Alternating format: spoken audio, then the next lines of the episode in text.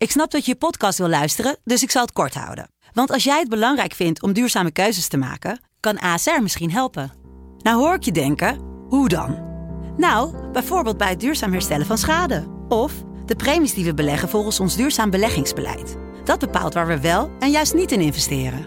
Wil je meer weten over welke duurzame keuzes ASR maakt? Ga dan naar asr.nl slash duurzame keuzes. ASR doet het.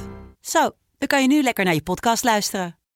Studio Socrates wordt mede mogelijk gemaakt door Unibed. Deze week Juan Roman Riquelme. We hebben het over zijn liefde voor Boca Juniors en Maradona. We hebben het over zijn speciale positie op het veld, de enganche. We hebben het over de vraag en eigenlijk ook het antwoord waarom een voetballer als Riquelme niet bij Barcelona past. We hebben het over zijn gave om rust te brengen. En we luisteren naar zijn favoriete cumbia lied. Há muito tempo você está no meu caminho. Como posso esquecer?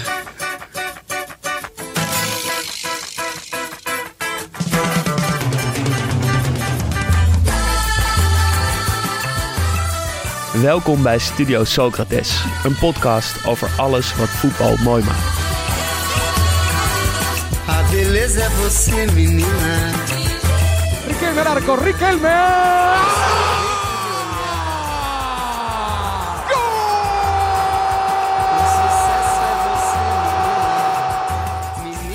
Falta cobrada pelo time do Boca.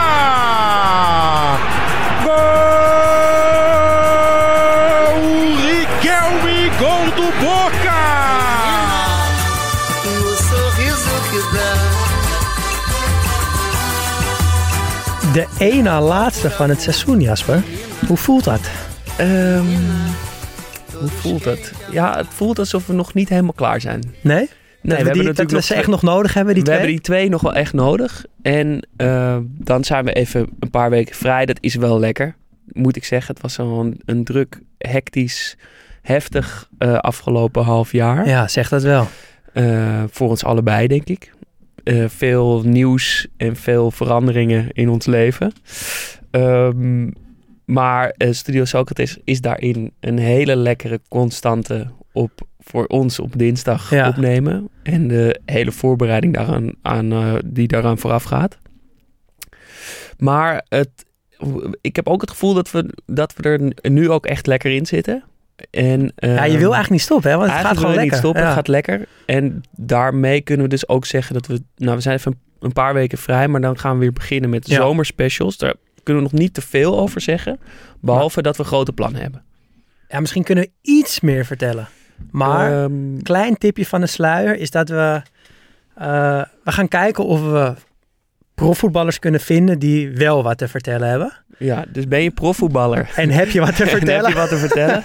Stuur een berichtje naar studio laagstreepje Socrates op Instagram. Nee, maar, maar heel even, want dat vind ik toch wel interessant. Die- Die zijn er toch wel. Kijk, wij zien natuurlijk heel veel interviews en heel veel eh, praatprogramma's. En het is vaak een beetje hetzelfde. Eh, de Core Podcast doet het trouwens wel echt leuk. Die nodigen voetballers uit en daar komen echt andere gesprekken eh, vinden daar plaats. Dat, dat moeten wij ook kunnen voor mijn gevoel. Ja, maar wij zijn natuurlijk ook een podcast die de actualiteit wel interessant vinden, maar ja, dat is aan anderen. Ja. Wij zijn toch meer op zoek naar waarom we eigenlijk voetbal kijken. En daarmee vinden wij het natuurlijk ook interessant om te weten waarom iemand eigenlijk voetbalt. Waar, Ja. wat, waar haalt hij zijn plezier vandaan? Of Wie is zijn eh, favoriete Wie is voetballer? zijn favoriet? Of waarom ben je gaan voetballen? Ja. Waarom ga je nog steeds met plezier eh, eh, trainen? Ehm, dus, want het is, ja, ik heb niet een heel romantisch beeld van profvoetballer zijn. Er moet toch, je moet dat ook echt uit liefde voor de bal doen en voor het spel. En daar zijn we benieuwd naar. Ja, dat soort gesprekken willen we gaan voeren met, eh, met profvoetballers. We hopen dat het lukt. We hebben eigenlijk al nu alweer veel te veel verklapt. Maar ja, weten jullie dit ook weer.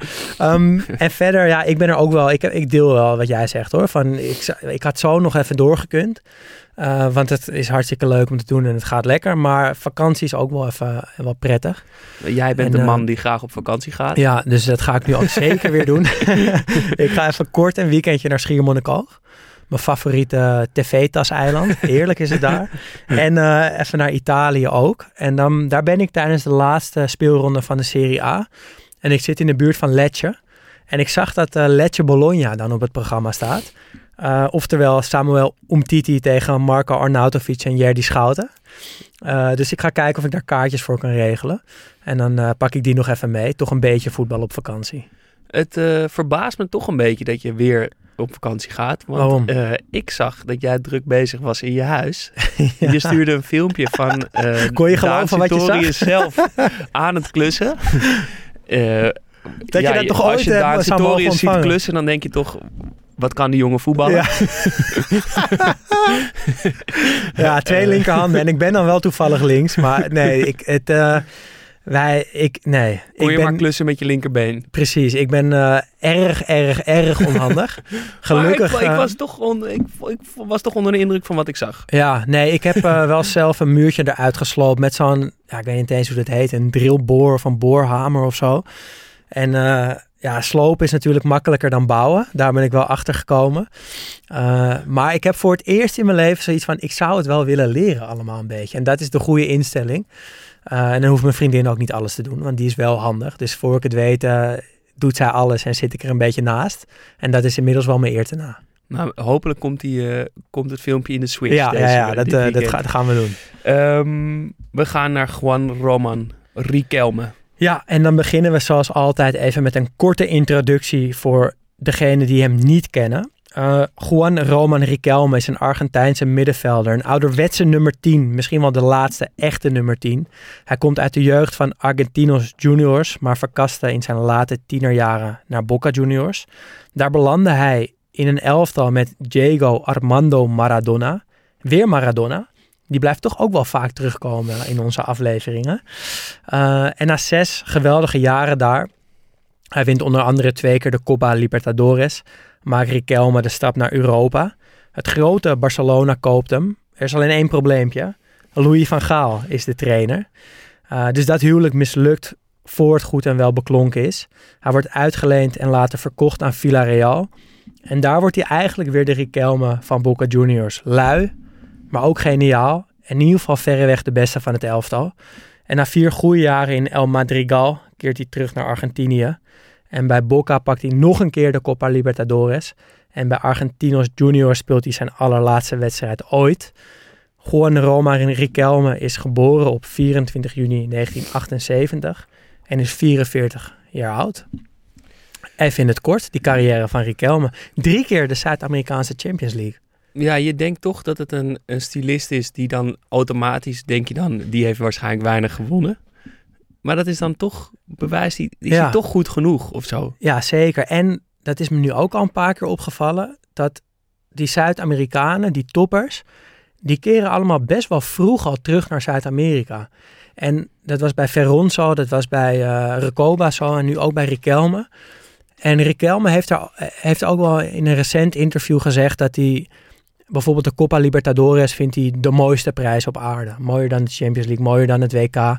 Dus dat zit, ja, dat continent, die, die ploeg waar ze begonnen zijn, dat zit volgens mij veel dieper dan bij Europeanen. Daar zie je toch minder vaak dat ze terugkeren naar hun jeugdliefde. En ik denk dat het ook bij uitstek Riquelme is die veel meer in het Zuid-Amerikaanse voetbal past. Ja, Daar thuis en op zijn plek is dan in het functionele, competitieve, eh, efficiënt. efficiënte eh, voetbal van in Europa. Hij hoort daar. Ja. En je ziet het in de filmpjes. Je ziet hem in het Argentijnse elftal als het dan wel klikt.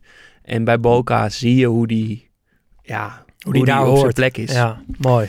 We hebben het eh, deze week over Riquelme, omdat we dus, nou, zoals gezegd, dit de af, ene laatste aflevering eh, van het seizoen Ja. is. Dus deze aflevering en dan nog volgende week. Deze komt uit jouw koker weer. Ik mocht eh, kiezen en ik dacht, ja, we hebben er nog twee, dus dat moeten twee belangrijke eh, afleveringen zijn. We kunnen niet zomaar nog een vreemde eend eh, kiezen. Twee knallers. Moeten twee knallers zijn. En Riquelme stond al vanaf het begin eh, van dit seizoen op ons lijstje, hoog op ons lijstje. Werd ook veel genoemd door, door luisteraars. Ehm, en hij lijkt ook als speler precies aan de eisen te voldoen die inmiddels typisch en kenmerkend zijn voor een Studio Socrates Ja. speler. Lekker dat we dat zo kunnen zeggen. Ja, dat is niet echt met voorbedachte raden, maar dat tekent zich toch gewoon af. Want dat zijn de lekkerste eh, afleveringen. Een speler die eh, langzaam,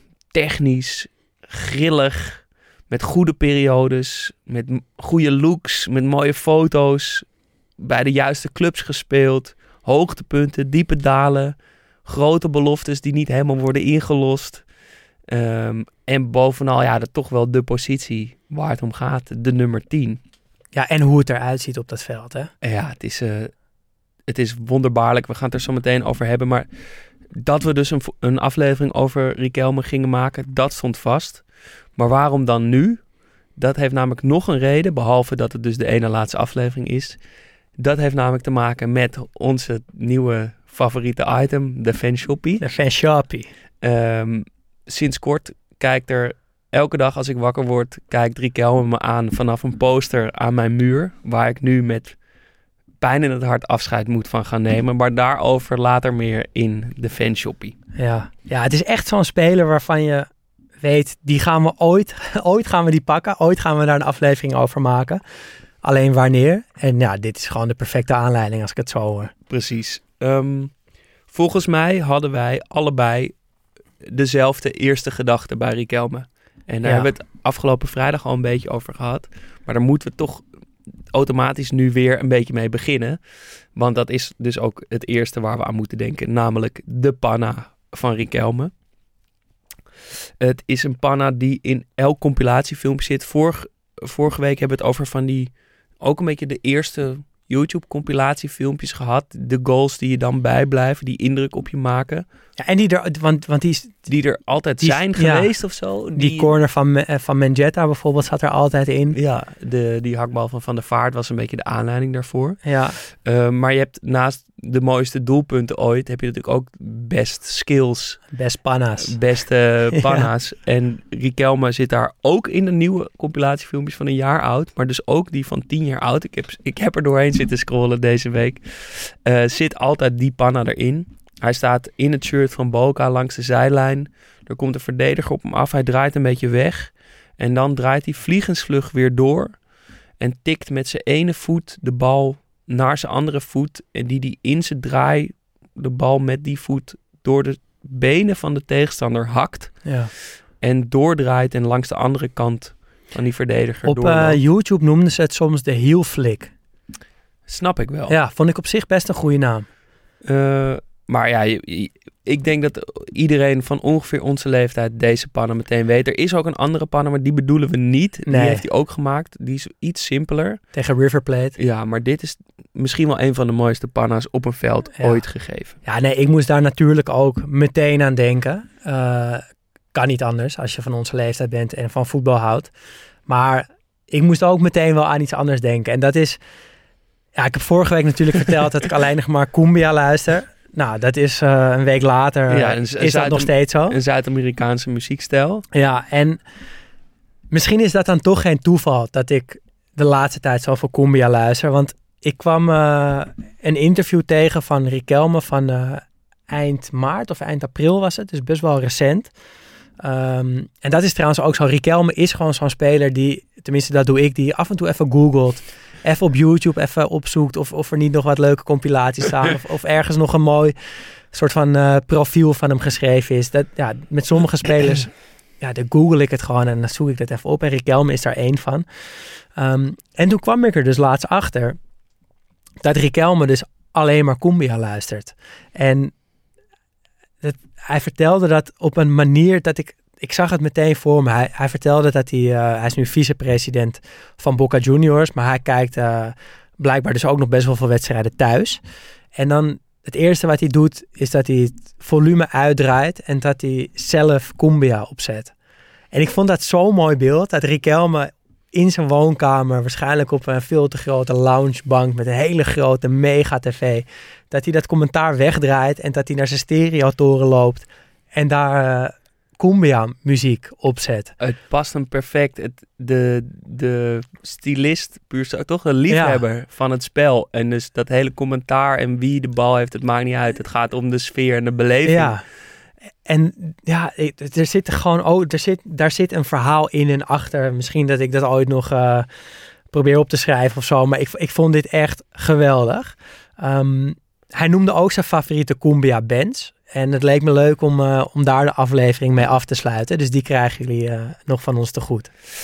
We gaan beginnen aan het verhaal van Riquelme. En we beginnen het verhaal van Riquelme, dacht ik, met een quote van Jorge Valdano. Een oude Argentijns voetballer en coach van onder andere Real Madrid. En eh, die is later twee boeken gaan schrijven over, over voetbal. Die staan nu wel hoog op mijn lijstje, want er staat een quote in over Riquelme. En eh, hij zegt... If you have to travel from point A to point B, everyone would take the six-lane highway and get there as quickly as possible. Everyone except Riquelme. He would choose the winding mountain road that takes six hours, but that fills your eyes with scenes of beautiful landscapes. En dat omschrijft volgens mij precies de speler die Riquelme was.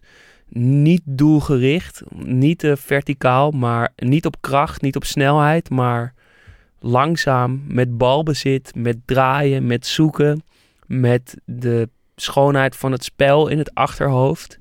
Ehm, ja, een soort je langzaam een weg door die verdediging heen draaien. Ik vond die, die, die, eh, dat kronkelende bergweggetje Ja. een hele mooie metafoor. Maar het, het beschrijft denk ik niet alleen wat voor speler het was, maar ook beschrijft het zijn carrière als geheel. Ehm, ja, een hele mooie rit. Soms moeizaam en stijl en, en draaiend. eh, maar ook langs prachtige toppen. Met mooi uitzicht. eh, maar uiteindelijk vooral denk ik ook een hobbelige, oncomfortabele bergwegrit van zes uur. Waarin je toch ook een beetje misschien misselijk wordt en Ja. op een houten bankje zit. Ja, gewoon, hij, volgens mij maakt hij dan, hij maakt de keuze voor het onbekende. Toch? Van waarschijnlijk komt daar wat moois uit. Alleen je weet het van tevoren nog niet, maar je gaat, je gaat dat wel aan. En Het avontuur. ja, je gaat het avontuur wel aan. En ik vind, hou jij hiervan? Of, of is dat iets wat je ook een Ehm. beetje interessant doenerij vindt misschien of zo? Nou, het komt denk ik best nauw. Want ja, zo'n speler als Riquelme... Je, je komt alleen met die, met die avontuurlijke keuze weg als je het goed doet. Als je het beheerst. En dat geldt denk ik ook bijvoorbeeld voor, nou, voor veel meer. Maar bijvoorbeeld ook voor, voor zo'n quote van Jorge Valdano. Dan denk ik, ja, komt er weer iemand met een poëtisch eh, ding... een beetje interessant doen over voetbal. Je komt alleen weg met zo'n quote als hij ook echt raak is. Ja, En dat geldt natuurlijk voor heel veel. eh, het geldt voor koken of kunst, muziek of je kleding. Toch, je, je kan alleen ergens een beetje vanaf stappen als je het echt beheerst. ja. Je moet de, de kern kunnen om het los te kunnen laten. Eh, en ik denk dat in het geval van Riquelme dat kan. ja, dus in zijn geval past het, klopt het, mag het. Ja, omdat hij het, het hij, hij is het helemaal. Hij, het is zijn intuïtie, maar het is denk ik ook een keuze, een rationele keuze van hem om zo te zijn. Hij Ja. wil ook die speler zijn. Hij vindt ook dat het voetbalspel zo gespeeld moet worden. Ja. En daarom kan het. En natuurlijk omdat hij gewoon heel getalenteerd Ja. is. Nee, ik, ha- ja, ik vind het, het, het is, eh, ik vind het, ja, het, het raakt heel erg aan intuïtie voor mij. Toch? Van je, je kan op het voetbalveld, maar je kan het ook breder trekken, gewoon in het leven. Je, je kan kiezen voor efficiëntie en resultaat. Dus eh, ik wil eh, niet 30 keer scoren, maar, maar als ik het zo doe, kan ik er 40 van maken. Of wel, ik moet van A naar B op mijn fiets door de stad en ik ga dat helemaal opzoeken via Google Maps. En dan ben ik er twee minuten eerder. Of ik stap gewoon op mijn fiets en ik ga gewoon fietsen. En ik kijk een beetje om me heen en ik geniet ervan. Ja, volgens mij is dat tweede dan altijd veel meer waard dan het eerste. Ook al verlies je daardoor wat tijd.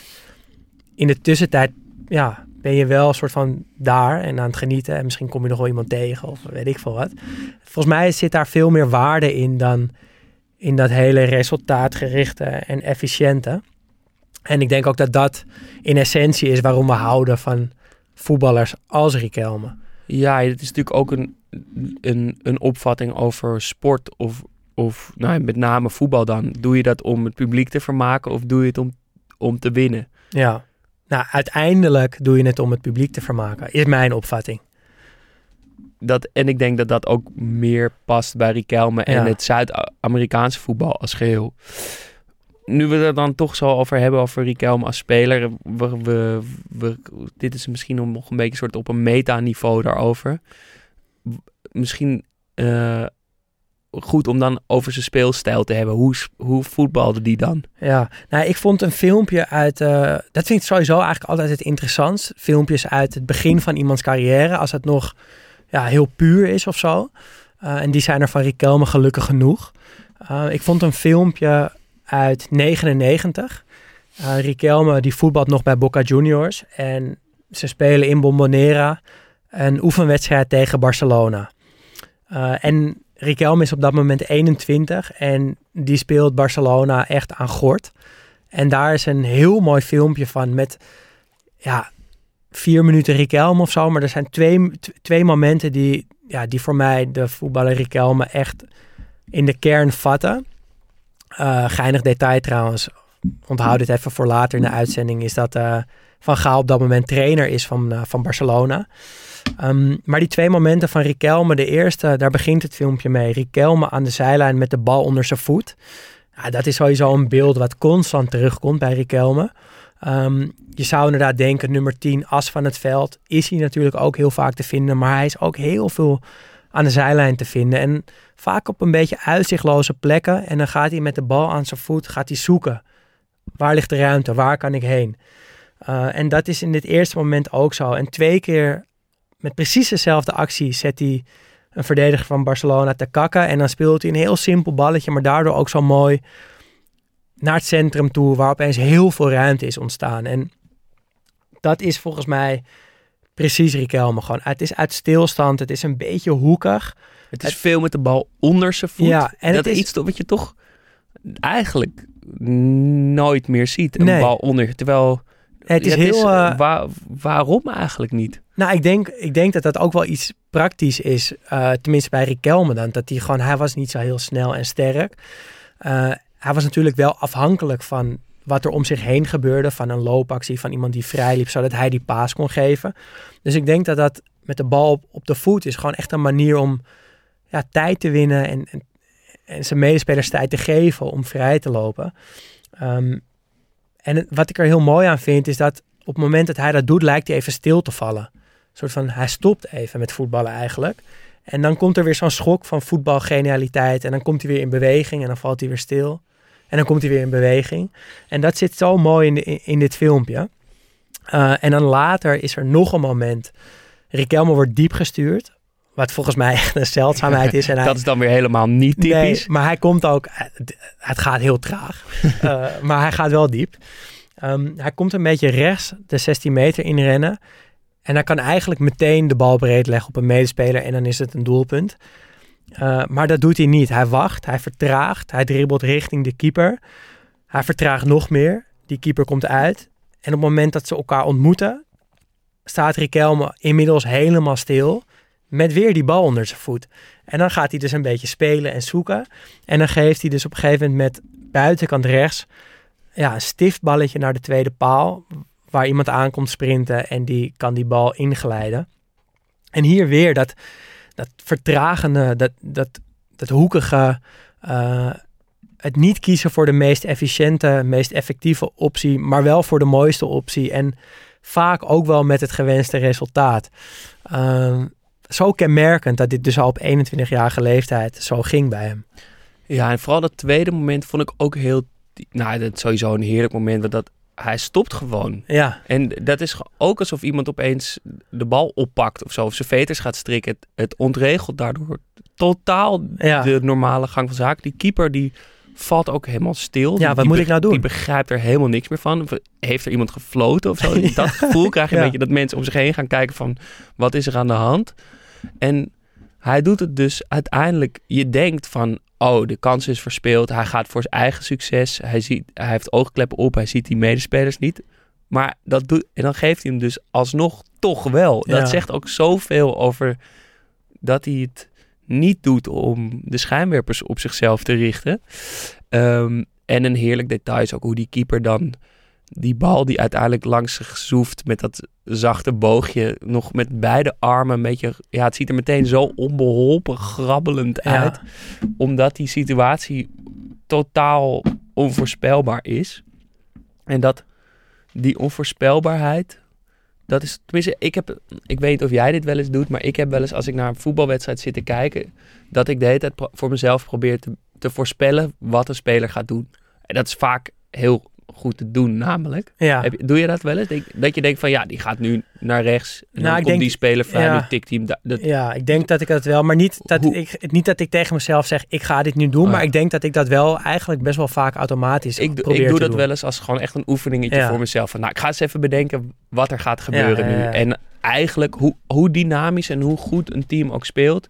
De patronen en vooral de timing, de momenten waarop gepaast wordt, is eigenlijk best wel goed te voorspellen. Je ziet toch iemand lopen of iemand inkomen. Die patronen, die, ja, is, van, ja, nu gaat hij breed en dan gaat hij diep. Dat is vaak toch wel te zeggen. En ook dat moment van het geven. Maar bij Riquelme is het, ben je totaal, ja, je, je hebt geen idee wat er gaat gebeuren. Elke keer niet, want hij, hij wacht en hij houdt hem nog weer onder zijn voet en hij draait nog een keer en hij houdt die bal ook heel erg recht onder zich. Eh, dus het is, het is niet te zien. Hij, hij, en dan draait hij nog een keer en dan sust hij in slaap. En je denkt, oh jee, hij is zo te langzaam. Hij heeft zichzelf nu helemaal de problemen ingedraaid. En dan, op het moment dat je denkt, hij gaat hem nu kwijtraken, draait hij zich weer open. Komt hij helemaal vrij. Kan hij een speler inspelen? Denk je, nou, oh, het is toch goed gekomen, hij gaat nu pasen. En dan paast hij weer niet. En dan draait hij nog een keer terug de problemen in. En dan er langs en dan paast hij. En dan ligt het dus echt helemaal open. En het is de, de enige andere die, die mij wel eens zo, of elke keer toch denk, laat geloven dat hij te laat, te lang wacht met, Ja. met de bal aan zijn voet, is Frenkie de Jong. Ja, Natuurlijk een heel ander soort voetballer, maar dat, ja ik vind het wel inderdaad wel... Dat is een soort Ja. van, nou nu ben je kans gemist. Of dat, Ja. dat, dat, dat moment is weg. En dan bewijs, het tegendeel bewijst zich, nee, nu is het Ja. moment. Ja, ik denk dat bij, bij Riquelme is het, is het voor mijn gevoel echt helemaal op, op intuïtie. Eh, waardoor het ja, ook voor mij eh, ja, vrij onvoorspelbaar wel wordt. En bij Frenkie de Jong vind ik het voorspelbaar onvoorspelbaar. Als dat, Ik begrijp Als je- wat ja. je bedoelt. ik vind het eigenlijk altijd heel logisch hoe hij lang wacht met de bal. En nog even uitstelt. Of nog één, één keer versnelt. Of nog één keer vertraagt. Ehm, en dan pas die paas geeft. Omdat hij... Ik heb dat wel eens van Stanley Menzo geleerd. Die was, eh, is ooit mijn trainer geweest. Dat hij zei, een, je moet pas pasen als je iemand uitspeelt. Want het heeft geen zin om de bal breed te spelen... en dat die spits die kant op loopt en dan weer terug. En dan loopt die, want daar speel je niemand mee uit. Dus lok die spits nou eerst. Speel dan je andere centrale verdediger in. En dan heb je een man uitgespeeld. Eh, en dat is wat Frenkie de hele tijd aan het doen is. Die ziet heus wel dat hij linksback vrij staat. Of die ziet heus wel dat die andere nummer 6 vrij staat. Tuurlijk ziet hij dat. En als kijker zie je dat ook. En dan denk je, ja, speel hem nou in. Ja. Maar je moet... Maar dat is de logische, voorspelbare paas Klopt. die ik dan op de bank voor mezelf Ja, heb bedacht. precies, Van, maar- nou, ik ga hem voorspellen. Ja, maar hij, Frenkie heeft dat natuurlijk ook al lang gezien. Of Busquets, weet je. Die ziet dat ook allemaal lang. Alleen die wacht gewoon tot er iemand vrijkomt waarmee die een linie overslaat. Of mensen kan uitspelen. En daarom vind ik dat altijd voorspelbaar. Eh, omdat, nou, ik denk dat ik dat best wel goed kan zien. Eh, maar bij Riquelme is dat, is dat echt anders. Ja. Want, want daar, wat, bij Frenkie is het ook, en Busquets, is het, daar zit ook veel minder gekap en gedraai bij. Dat is wachten, wachten, wachten. En bij, bij eh Riquelme is het terug de drukte in, uit de drukte, terug de drukte in. Mannetje van je afhouden en dan komt er een hakje of iets buitenkant voet, waardoor alles open is. Dat is inderdaad Maar is, heel anders onvoorspelbaar. is onvoorspelbaar een goede kwaliteit? Of is onvoorspelbaarheid een kwaliteit? Nou, voor mij moet er wel altijd logica in zitten. En kijk, bij Riquelme is dat misschien uiteindelijk toch ook wel aan de hand. Alleen gaat het gewoon een soort van nog een niveau hoger. Eh, bij Balotelli bijvoorbeeld daar zat ik vroeger wel eens naar te kijken. En dan had ik echt het idee, die doet maar wat. Dat, daar valt geen pijl op te trekken. En dan vind ik, vind ik je eigenlijk gewoon een slechte voetballer. Ehm, en dat is, met medespelers heb ik dat ook vaak gehad. Van, ja, als iemand maar wat doet, dan valt mijn kwaliteit ook in één keer weg. Een soort van het logisch, het simpel voetballen. Dan, dan ben je zelf in één keer ook zoveel minder waard. Dat ik dus echte onvoorspelbaarheid eigenlijk geen goede kwaliteit vind. Maar ik, ik eh, ja, jij zegt dan toch nu van dat bij Riquelme is dat die onvoorspelbaarheid gewoon zijn intuïtie, maar het is volgens mij wel meer dan dat. Wat ik net ook al volgens mij een beetje zei, is het hij is het ook niet tegen wil en dank, maar tegen met wil tegen dank. Dat zeg maar hij hij wordt er niet per se om gewaardeerd, maar hij is er wel van overtuigd dat hij Ja, zo dat hij wil spelen. Ja, precies. Misschien is het ouderwets, misschien is het achterhaald. Het, hij, doet het, hij maakt het zichzelf niet makkelijk ermee. Maakt niet. het zijn team niet makkelijk ermee. Maakt het de fans misschien ook niet makkelijk om van hem te houden. Op het moment zelf. Maar hij, er zit wel een drive achter of zo. Zeker hij gelooft jong- dat hij het zo moet doen. ja, dat viel me op bij die, zeg maar, als hij wat ouder is of niet helemaal op zijn plek lijkt, dan is het zoekend en dan is het echt traag en dan is het draaien. Maar in, dat, in die jonge Riquelme zie je ook een soort overtuiging en in een drive, niet om te winnen, maar om te voetballen, om Ja. het spel zo te spelen. En dat vond ik een heel leuk om te zien, dat je een soort, hoe sloom en hoe langzaam die is, er zit wel een soort vuur of een soort overtuiging in Ja. die, het, die het heel erg de moeite waard maakt. Want anders is het te achterover geleund Ja. en dan denk je dat hij het met tegenzin doet. Maar dat Nee, dat idee is heb ik zo. geen moment. Nee, nee. Ja, en jij zag nog iets wat je, wat je, ja, wat je opviel, toch? Een soort Ja. van rust aan de bal of zo? Ja, hij, ja ik, ik, ook in mijn onderzoek daarnaar, naar het lezen erover, hij wordt er dat vaak als zijn grote kwaliteit gezien. De rust aan de bal. En je zou natuurlijk kunnen zeggen dat dynamiek en snelheid heel belangrijk is in een team.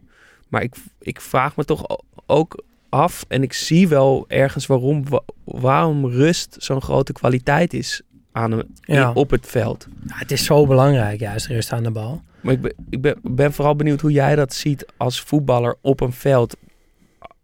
Hoe, hoe, Nou, je kan, je kan gewoon... Kijk, je bent als individu op een veld met, 22, ja, met 21 andere spelers... ben je gewoon een klein radartje. Dus je kan... Het is moeilijk om in je eentje een soort van tempo van een wedstrijd te bepalen. Eh, en je kan, als, je kan ook verstrikt raken in het tempo van een wedstrijd. Volgens mij zie je dat veel, weet je, onderkant Premier League... dat spelers gewoon weet je, hun fysiek in de strijd gooien... en verstrikt raken in zo'n hoog tempo... dat dat de kern van, van het voetbalspel een beetje kwijtraakt.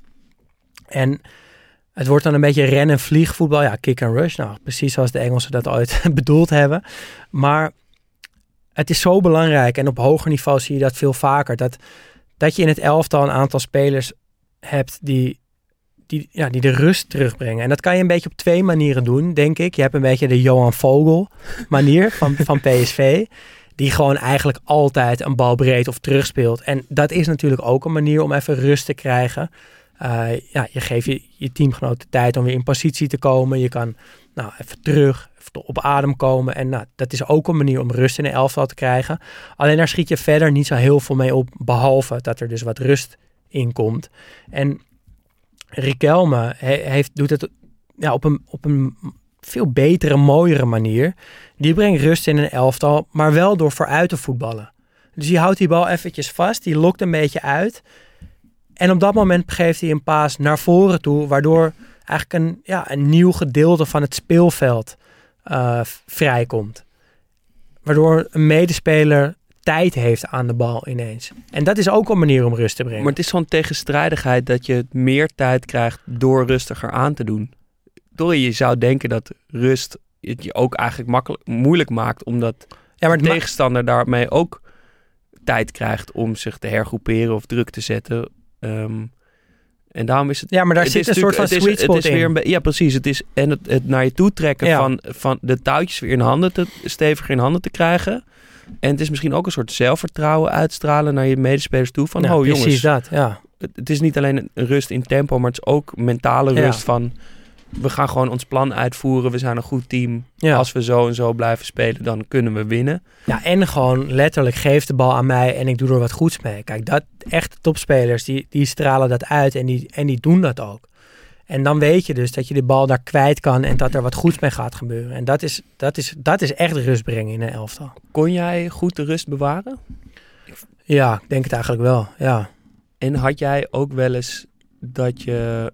Nou, en hoe, hoe, hoe deed je dat dan? Hoe zorgde Nou, ik- jij persoonlijk daar dan voor? Ik was gewoon wel balvast. En ik ben eigenlijk ook bijna nooit bang om de bal te krijgen. Dus ja, eigenlijk speel kom maar met die bal en ik doe er wat goeds mee. dus dat, is vooral de uitstraling naar je teamgenoten toe. Nou, en je moet ook wel de kwaliteit hebben om balvast te zijn. Had jij dan ook wel eens dat jij misschien een beetje liet meeslepen in een wedstrijd en het werd verhit en je dacht, kut, we moeten winnen. En dat er dan een andere medespeler opeens een rust pakte, waardoor Ja, je dacht, tuurlijk. oh, wacht Ja. even. Nee, zeker. Ja. Hoe, hoe, hoe belangrijk was dat voor jou? Het geeft gewoon zoveel vertrouwen. Als je, en daarom is het ook belangrijk om, vind ik dan, hè, om, om meerdere ja, goede spelers in de el. Kijk, want je, je kan er niet altijd zelf goed in, in, in zitten. Je hebt ook wedstrijden dat het wat minder gaat. En dan wil je ook kunnen optrekken aan een ander. En ik denk dat alleen de echte, echte top dat altijd kan doen. Maar dat, dat zijn er maar een paar. Ja. Ehm, ja, mooi. Rust. En eh, we gaan door naar eh, de liefdes van Riquelme. Eh, het verhaal van Riquelme verder. Hij komt namelijk bij Boca te spelen en raakt... Ja, hij, hij debuteert eigenlijk ongeveer in de laatste wedstrijd van Maradona. En raakt daarmee een soort onlosmakelijk verbonden met Maradona. Het is een wonderlijke relatie die ze met z'n tweeën hebben. ja Riquelme, Boca Juniors en Maradona zijn echt onlosmakelijk aan elkaar verbonden. Ja, en ik zat toch te denken, ja, waarschijnlijk had Maradona ook ruzie met Maradona gekregen. Als, die, als er nog een Maradona Zeker, was geweest. 100%. Maar had Maradona, Maradona ook bewonderd. ja. En dat is denk ik vanwege de vele parallellen tussen Riquelme en Maradona ook precies de relatie die ze hebben. En er zijn best wel veel parallellen te trekken. Los van gewoon Argentijnse voetballers te zijn. Eh, groeiden allebei op in armoede in Argentinië. Speelden eerst allebei bij Argentinos Juniors. Gingen daarna allebei naar Boca Juniors. Gingen daarna allebei naar Barcelona. Speelden allebei met nummer 10. Waren beide koppig, eigenwijs, onafvolgbaar, temperamentvol. En eh, nou ja, Maradona is natuurlijk een klasse apart. Die vergelijking is natuurlijk heel moeilijk, maar het is wel logisch. Ook wel echt andere type voetballers.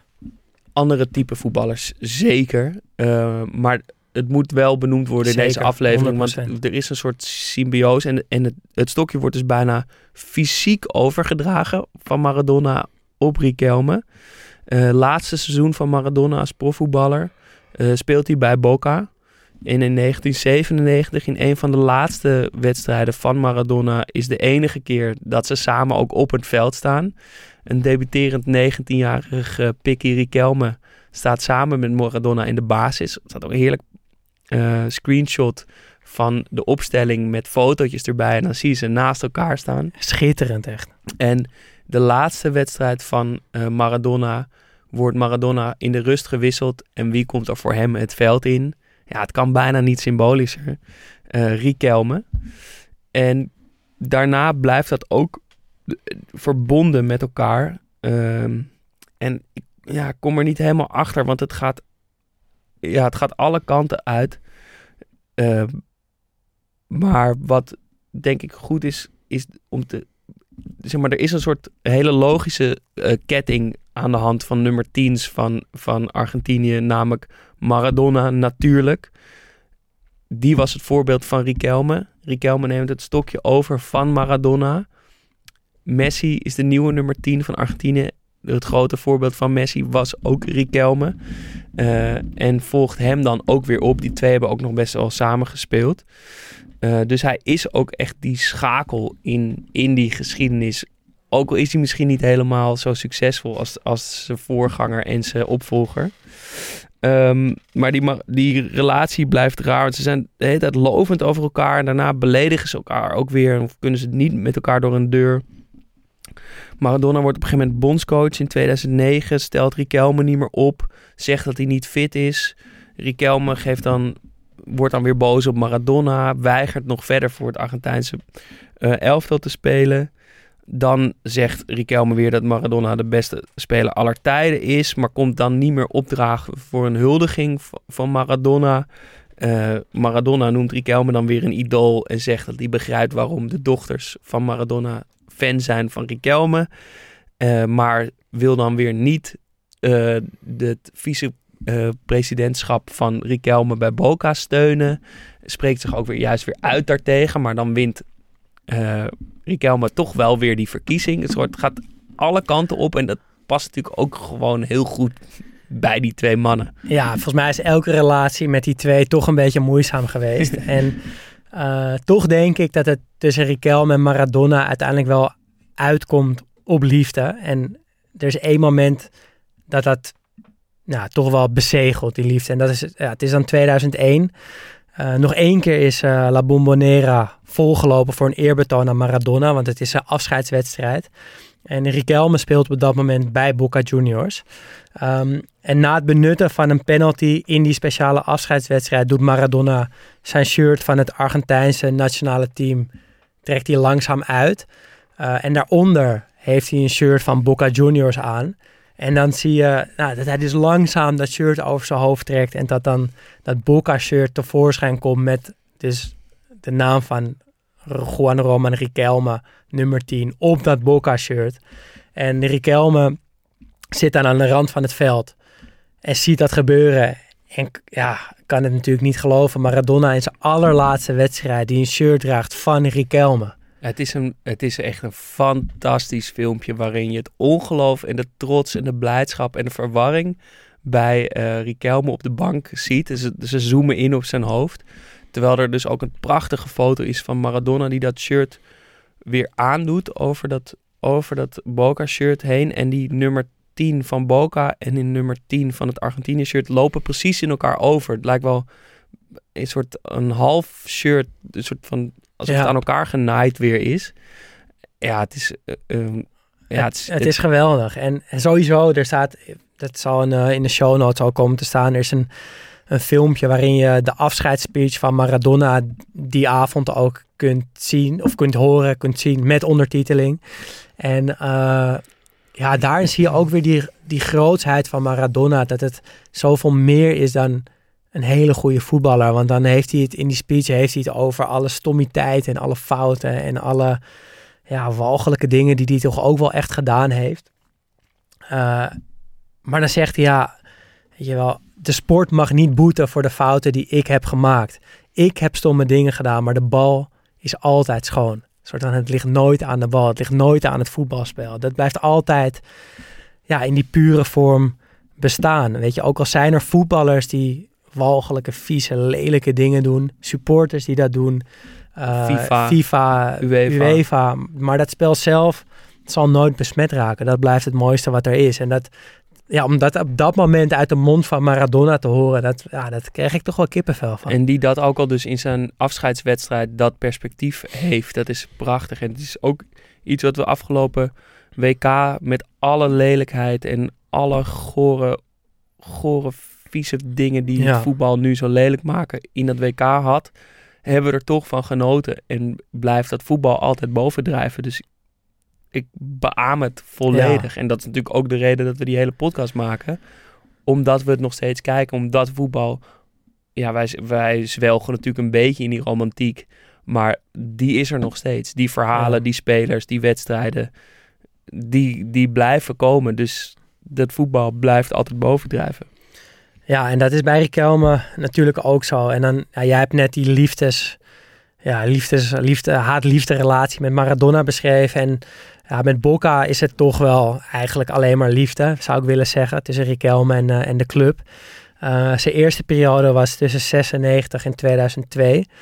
Eh, en vooral in die begin jaren 2000, toen was Boca echt op zijn best. Ze winnen twee keer achter elkaar de Copa Libertadores, de Zuid-Amerikaanse variant van de Champions League. En ja, al eerder aan gememoreerd. Riquelme vindt dat, heeft hij ook gewoon gezegd, het allermooiste toernooi wat er is. Het is mooier dan het WK, mooier dan de Champions League. En die wint hij dan op jonge leeftijd twee keer Ik achter geloof elkaar. hem ook Ik geloof hem dat ook. Het- Dat toernooi past bij hem. Hij, hij is dat toernooi, hij, is de dat Copa voetbal. Libertadores. Ja. En later, als hij terugkeert bij Boca, wint hij hem nog een keer.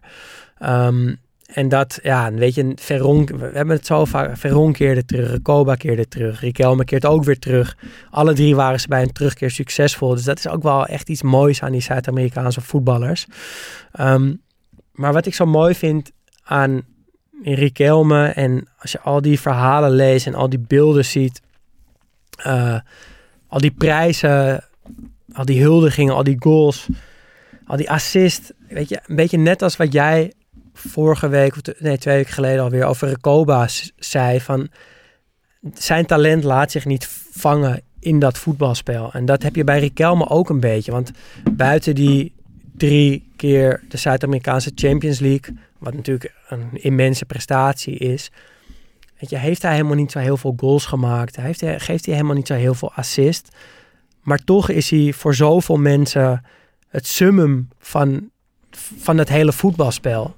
Eh, hij lijkt groter te zijn dan, ja, dan, dan die fysieke eisen, dan die goals, dan, dan de prijzen. Hij is gewoon dat voetbalspel. Ja, het is zeg maar voetbal of het pure, dus eh, het pure spel waar je het dan over hebt, is meer, wordt natuurlijk heel erg afgekaderd. We zitten heel veel, dat is waar we het met Recoba over hadden. Je moet trainen, je moet met de pers kunnen omgaan, met Ja. je medespelers kunnen omgaan, met de trainer, met je fans, met toch, je- je, je zou elke dag gewoon met plezier willen voetballen. En dat zegt hij zelf ook.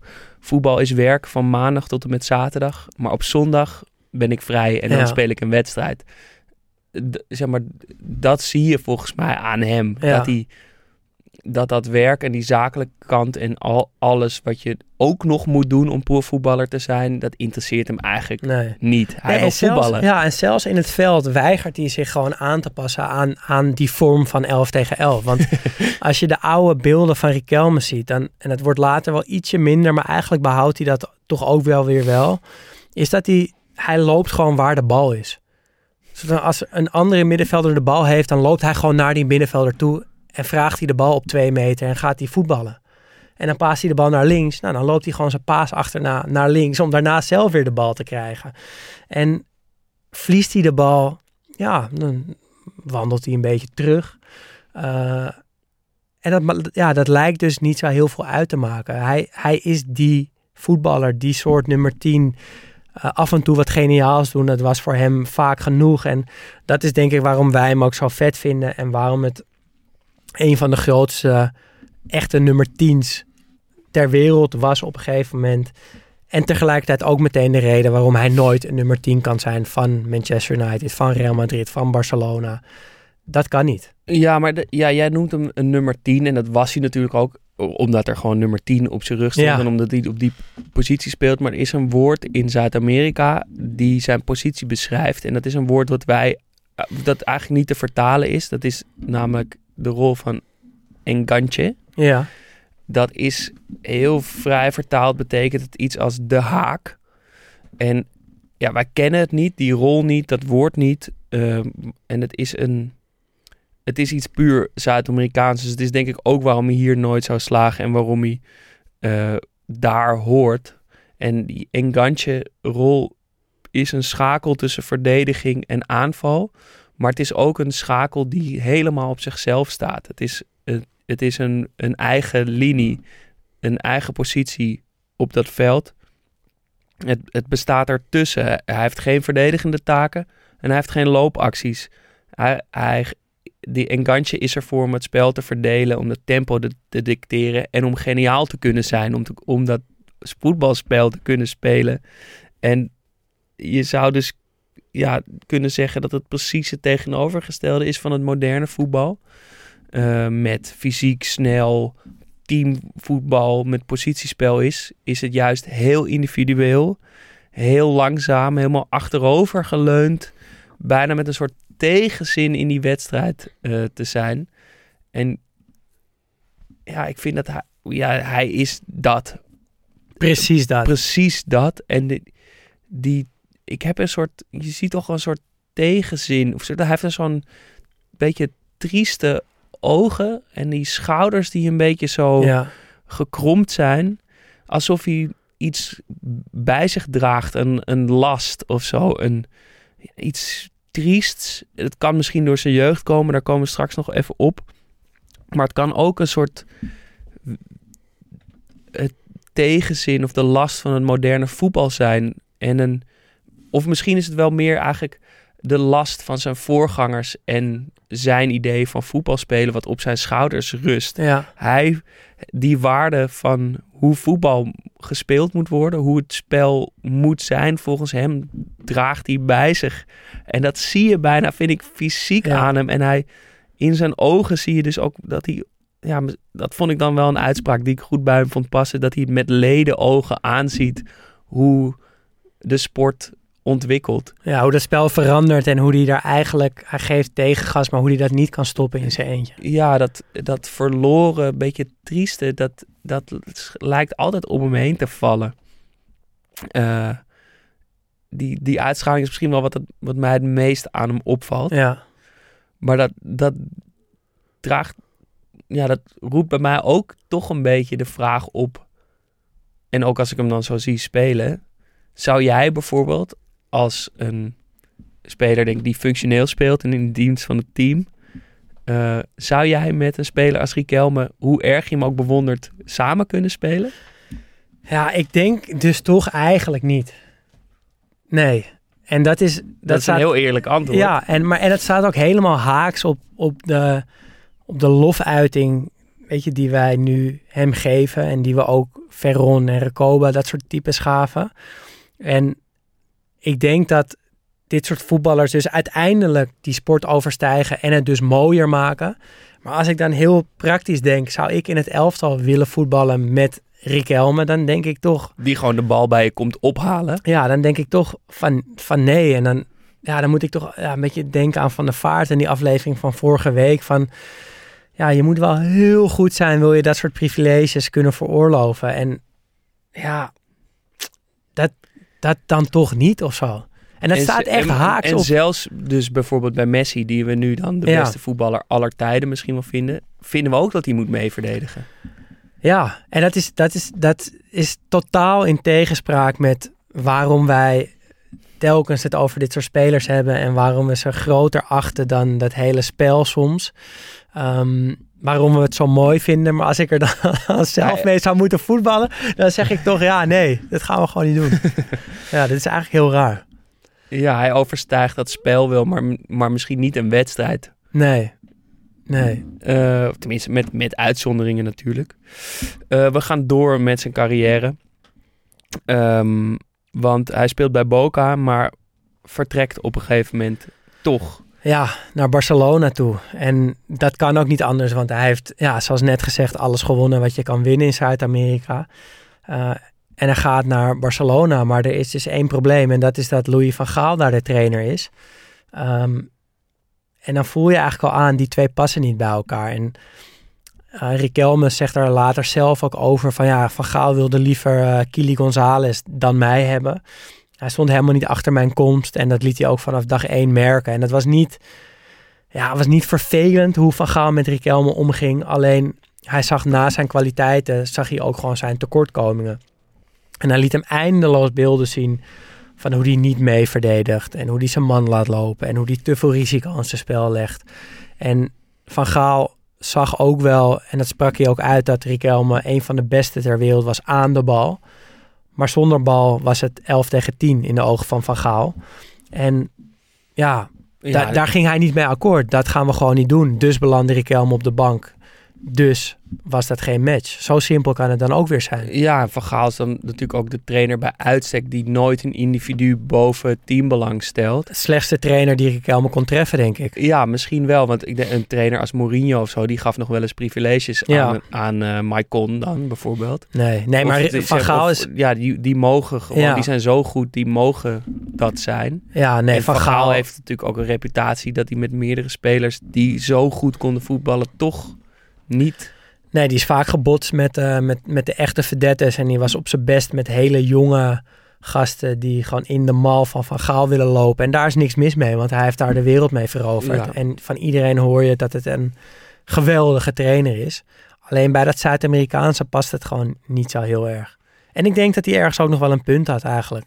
Ja, en het mooie vond ik ook wel dat er dus nu eigenlijk ook geen eh, nare gevoelens meer tussen die twee Nee. zijn. Die, die zijn eigenlijk wel op goede voet weer met elkaar. Of Die begrijpen, misschien zijn ze ook allebei zo goed dat ze elkaars keuzes ook wel weer begrijpen. Nou, Riquelme heeft inderdaad gewoon gezegd dat hij Van Gaal wel begreep dat hij het er niet mee eens was, maar dat hij het wel snapte. Ehm, dus die, ja, die vete is, is, is in de kiem gesmoord, maar die werd toch wel weer even Ja. opgerakeld tijdens het WK van eh, afgelopen winter. Eh, toen Messi die goal maakte en met zijn handen Tegen Nederland. ja, en met zijn handen achter zijn oren richting Van Gaal zo ging staan, ging juichen. En dat was de juich van Riquelme. En Dus het was niet alleen een sneer naar Nederland, naar Van Gaal, die toch wel denigerend had gedaan Ja. tegenover Argentinië. Maar het was daarmee ook, en dat vond ik toch wel vet van Messi, een sneer naar Van Gaal over hoe hij het idool, zijn Ja. idool Riquelme nooit heeft laten spelen. ja. Ja, wat vind je van die manier van juichen? Vind je, Gewoon, n- eh, je bedoelt van Riquelme? ja, ja, Of van, van, eh, nee, van nee, van, Messi? nee, van Riquelme. Eh, ja, eh, ik heb erbij het idee, dat projecteer ik er dan op, dat ik, zeg maar, normaal vind ik het uitlokken van een reactie bij het publiek, want hij houdt dus zijn handen als schelpjes achter zijn oren, wat wel eens geïnterpreteerd wordt als van juich maar voor me of zo. Het is vaak een beetje cynisch misschien Ja. wel. Ehm, meestal hou ik er niet van. Ik wil natuurlijk gewoon graag blijdschap zien.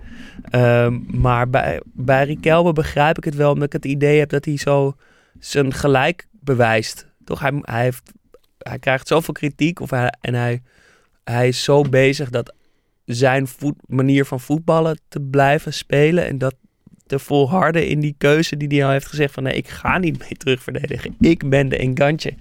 Dat als hij dan scoort, dat er een soort bevestiging daarvan is en dat hij kan laten zien, ja, zie je wel, ik, het, ik wil het zo op, op mijn manier Ja. spelen en dan ben ik heel goed. Ja, het is zo lekker uitgesproken. Het is niet, weet je wat, je hebt ook wel spelers die zo met hun wijsvinger achter de oor zo dat iets naar voren drukken of zo. Ja. Van heel voorzichtig eigenlijk. Ja, het hetzelfde is als je je, vinger, Ja. je wijsvinger voor je mond doet van niet juichen. Zo, Ja. dat, dat, zo, dat reactie uitlokken bij het publiek. Of het publiek vertellen of ze moeten juichen of niet. Of ze je naam moeten roepen met twee duimen op je rug of zo. Dat soort dingen.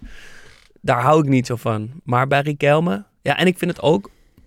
eh, als je nu bij Google afbeeldingen Riquelme intypt namelijk... krijg je denk ik een paar honderd foto's te zien. Bijna uitsluitend van Riquelme met die handen achter Ja. zijn oren. Dus het, is, ja, het hoort ook echt bij hem. En het, het, het past ook goed met zijn hoofd of zo. Hij heeft toch een beetje zo'n straat, straatjongens hoofd of zo. En met die handen er zo naast wordt dat ja, perfect geaccentueerd of zo. Want als je daarnaast die foto's van Messi ziet, die dat dus dan één keer heeft gedaan. Daar... Ik dacht ook toen Messi deed, ja, wat is dit voor iets, Ja. iets lulligs of zo. Het, is helemaal niks. Alleen als je het Riquelme dan ziet doet, dan is het heel, heel vet. Ehm, we, ja, het, is, het heeft natuurlijk wat je zegt ook te maken met dat hij eh, misschien van de straat komt. Want dat komt hij ook echt. Eh, dat moet nog wel even eh, benoemd worden. Hij groeit op in San Fernando, een buitenwijk van Buenos Aires. Hij heeft elf broers en zussen. En zijn vader, ja, ze zijn straatarm. En zijn vader is een gewelddadige lokale bandleider. En die dwingt die kleine Roman, eh, Juan Roman, ook om partijtjes te voetballen. Om op te wedden met andere gangsters. Lijp. Dus die zit er al vanaf zijn geboorte tot over zijn oren in. En het blijft hem achtervolgen.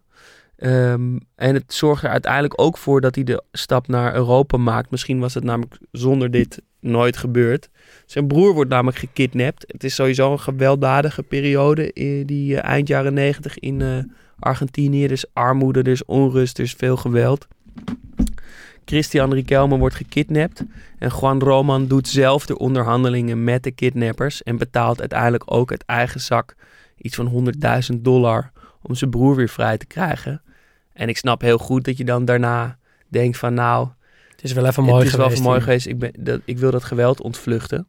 Er zijn trouwens, en moet je maar even op onze Instagram kijken, foto's van een jonge Riquelme met een mat. Echt zo'n vieze rattenmat. en dan met die beetje trieste kop van, eh van Riquelme erbij. Echt als straatschroefie. Ja, Fantastisch. echt heerlijk. Zijn beste look misschien. Sowieso zijn al die foto's echt, echt heel goed. Ehm, ja, hij gaat dus van Argentinië naar Barcelona. Daar mislukt het. Eh, hij wordt na één jaar van Gaal wordt hij uitge, uitgeleend aan, eh aan Villarreal. Dat hem uiteindelijk ook koopt. En dat, eh, ja, dat is wel eigenlijk een hele succesvolle periode. Het is een warm bad eigenlijk weer voor hem. Ja, want hij, nou, hij, hij komt naar Barcelona en is vervolgens nog, nou, nog 20 wedstrijden. is Van Gaal zijn coach, die hem in die 20 keer maar 10 keer opstelt. Daarna gaat het dus niet goed met Barcelona. Van Gaal wordt ontslagen. Antic wordt nieuwe coach. Die geeft eerst nog wel vertrouwen aan Riquelme, maar uiteindelijk zet die Antic Riquelme ook op de bank. Aan het eind van het seizoen wordt een Ronaldinho gehaald van Paris. En Riquelme denkt, ja, dan, eh, dan, dan zijn mijn dagen hier echt geteld. Vraagt een transfer aan. Wordt dus eh, verhuurd aan Villarreal. En dat is inderdaad een warm bad. En een Zuid-Amerikaans warm bad. Ergens eh, aan de kust van eh, Spanje. Want hij komt terecht nou, in een soort Zuid-Amerikaanse enclave. Drie Argentijnse teamgenoten. Arua Buena, González en Sorin. Eh, de Uruguayaanse spits Forlan. En een Chileense coach, Manuel Pellegrini. Het schijnt dat er wekelijks asado's van die Zuid-Amerikaanse barbecues zijn. En hij krijgt eindelijk het vertrouwen en dat de rol die hij Ja. hoort te, te hebben. En dat hele team gaat eigenlijk in dienst van hem of om hem heen spelen. En hij komt dus tot zijn recht. Ja, hij wordt eigenlijk weer een beetje de Riquelme van Boca Juniors. Want qua talent steekt hij gewoon ver boven de, zijn teamgenoten uit. En iedereen accepteert dus ook dat hij wat minder doet. Want hij is gewoon zoveel beter en hij beslist weer wedstrijden. En hij heeft, eh, hij heeft een tijdje samengespeeld bij Villarreal met Jan Kromkamp. Ja, de dat oude, zou je bijna vergeten. oude rechtsback van AZ. En in een interview zei hij daarover dat het, ja, dat het eigenlijk niet mocht om Riquelme in een trainingspartijtje aan te pakken. Uh, hij was de grote verdette en aan hem kwam hij gewoon niet. En hij trainde eigenlijk vooral op vrije trappen, afstandsschoten en een beetje voorzetten. En voor de rest deed hij niet zo heel veel, ook niet op trainingen. Uh, en, in, ja, en in wedstrijden deed hij al helemaal niks. Uh, maar het team wist dat en die vond het oké, want hij, hij besliste met één actie wel zo'n wedstrijd. Hij, hij zorgde voor de punten. Uh, en, en dat is dan prima. En ja, dat was een mooi elftal, met name die je net al noemde. En ook nog Santi Cazorla, Marco Senna natuurlijk. Um, hoogte- en dieptepunt van die periode tegelijkertijd is denk ik de Champions League campagne van 2005-2006. Um, Villarreal haalt de halve finale door onder andere Inter uit te schakelen. Halve finale tegen Arsenal. In Londen wordt het 0-0. En in El Madrigal, in Villarreal, geweldig stadion, staat het 0-0. Of zij, Nee, ja, ja, andersom. In Londen wordt het 1-0. 1-0, ja, sorry. in, ik dacht dat het, in, het even verkeerd zei. In dat keramica dat, uh, wordt het 0-0. Uh, ja, tenminste, bijna wordt het 1-0. Want Riquelme scoort, maar die goal wordt afgekeurd. En daarna krijgt hij in de laatste minuut krijgt hij een penalty. Uh, voor de 1-0, maar hij mist. Leeman pakt hem. En dat is wel heel zuur, want de finale was tegen Barcelona geweest. En dat was voor Riquelme natuurlijk de, had de ultieme wraak kunnen zijn. Um, maar het is wel mooi om te zien dat hij dus bij één treetje lager, wat Van der Vaart dus ook een beetje had, daar kan hij weer gewoon de man zijn. En daar wordt alles van hem geaccepteerd, omdat dat verschil in talent gewoon echt groot wordt. Ja, je hebt, je, misschien als die, als die kidnapping ook nooit was gebeurd, was hij gewoon ook de rest van zijn leven bij Boca gebleven. Was dat, ja, had dat nog meer, Ja. hem nog legendarischer gemaakt. Want Villarreal, ja, die gele duikboot, dat is toch niet... Ja, maar in die tijd wel, toch? Dat is... ja, ja, maar het, is, het spreekt minder tot de verbeelding. Ja, ik weet, ik weet nog niet of ik het een hele vette stap van hem vind of een, een beetje een lullige stap. Dat weet ik niet zo goed wat ik ervan vind. Vind je de club te klein dan? Ja, ook al was het een geweldig elftal, ik weet niet, in dat geel, het, het heeft niet een soort cult of een randje of iets waardoor ik zou daar nooit een shirt van kopen, laat ik het Nee. zo zeggen. Nou, dat is toch wel een, een belangrijke graadmeter. Ehm, maar die, die balans tussen hoogte en dieptepunten, dat is dat kleeft aan hem. Behalve misschien dus bij Boca, waar het vooral eigenlijk heel goed gaat. Eh, maar het geldt wel bij Argentinië. Hij speelt uiteindelijk maar, ja, tussen aanhalingstekens, maar 50 wedstrijden voor Argentinië. En het is, ik dacht misschien is het wel een beetje de Seedorf van Argentinië. Een van Ben de beste voetballers van, zijn, generatie. Maar ja, het, het komt eigenlijk nooit uit de verf. Er is elke keer wel iets. Ruzie dus met Maradona. Dan bedankt hij weer. Dan komt hij, weet je wel, komt hij niet in het goede elftal of zo. Ba- maar de uitzondering met Seedorf is dat er wel één toernooi is waarin het wel op zijn plek valt. Waarin hij de belangrijkste man misschien wel is. Het elftal om hem heen speelt. En ze geweldig voetbal spelen. En dat is het WK 2006. In de pool samen met Nederland, Servië en Ivoorkust. En Riquelme dus in een, centraal in een geweldig team onder leiding van José Pekerman. Eh, ja, Abondanzieri op goal. Ayala, Heinze, Bordisso, Sorin, Mascherano, De Carper, Cambiasso, Maxi Rodriguez, Tevez, Crespo, Saviola en een hele jonge Lionel Messi. Riquelme in een wat teruggetrokken rol. Dus hij speelt bijna op het midden, echt op de middenlijn.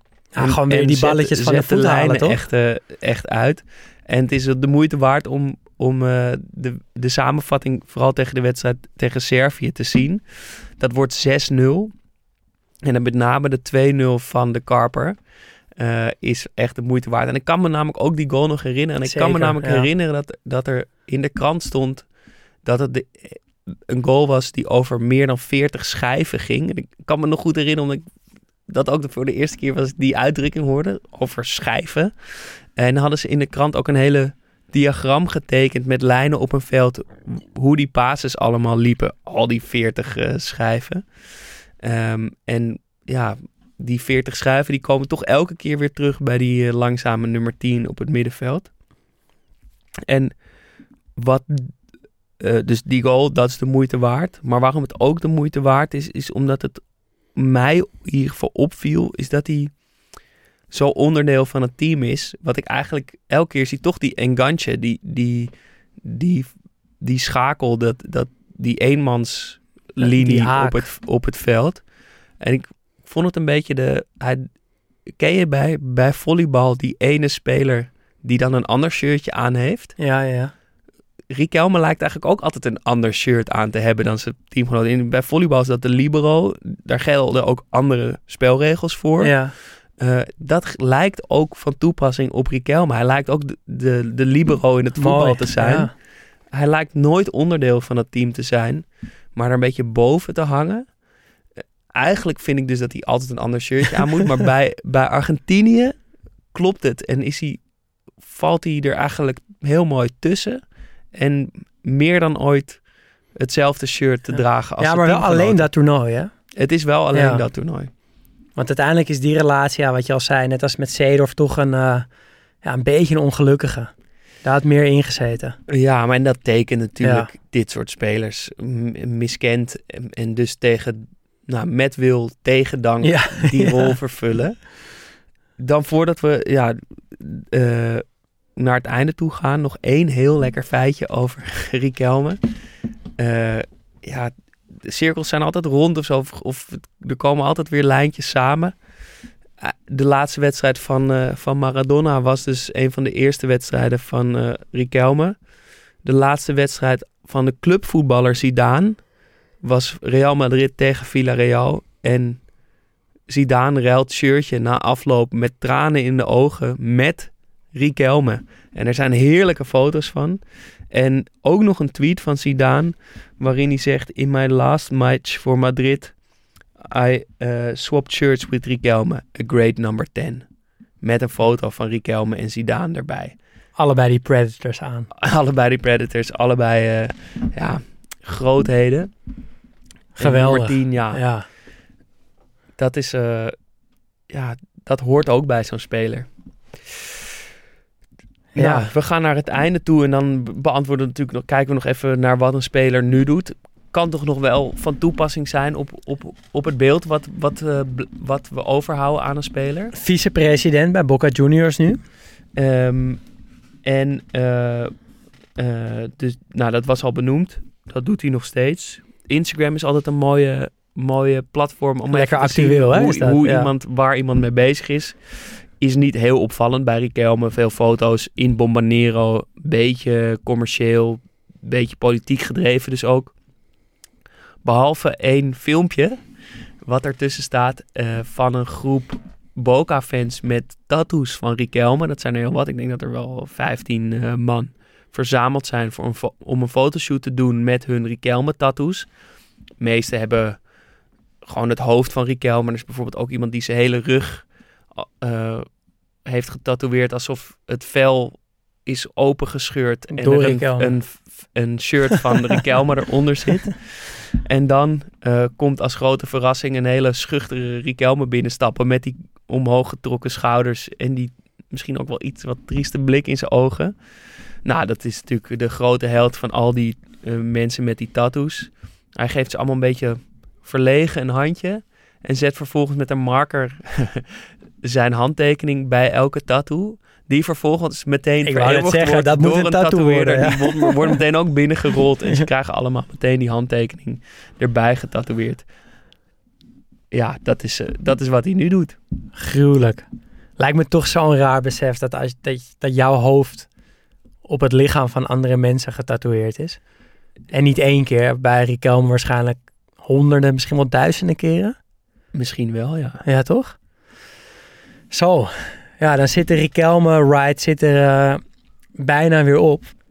Nou, door Eh, Riquelme... Oh ja, bijna. Bijna. Want we hebben natuurlijk eh, weer iets moois in onze fanshop. Eh, dus daar gaan we even eerst naar luisteren en dan gaan we jullie daar wat meer over vertellen. Queridos ouvintes, sejam bem-vindos ao Estúdio Socrates Fan Shop.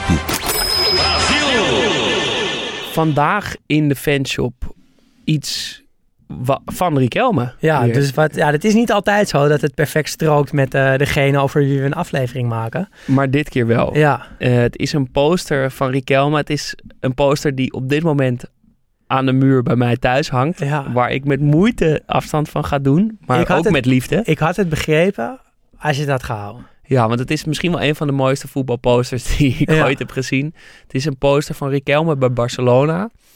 Er staat in heerlijke typografie, witte letters, groot Riquelme bovenin.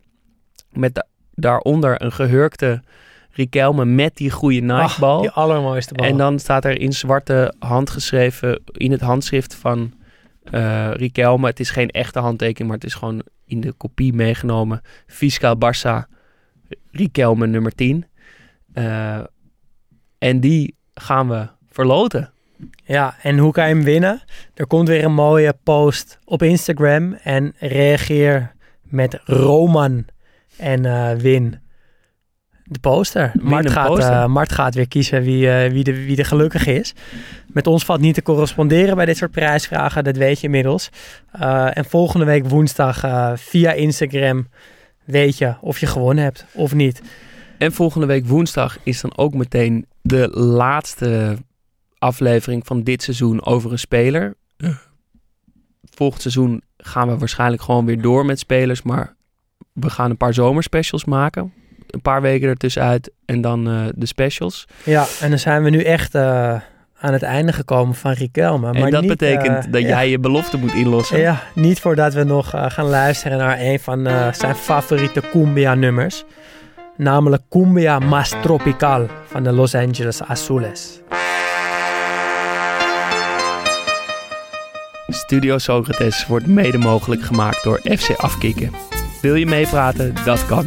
Laat een bericht achter op vriendvandeshow.nl slash Studio Socrates of via Instagram studio laagstreepje Socrates.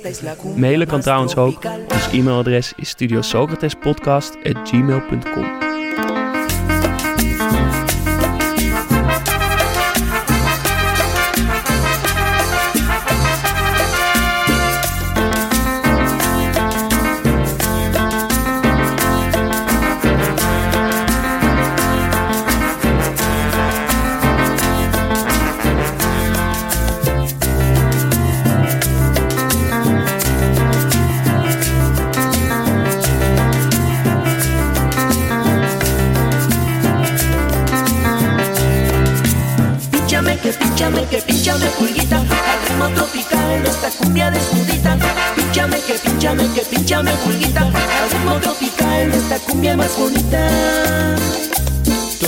tutita tita tum tum pa dibi dibi tum tutita tita tum tum pa dibi dibi tum tutita tita tum tum pa dibi dibi tum tutita tita tum tum pa dibi dibi Esta es la cumbia más tropical, esta es la cumbia más tropical.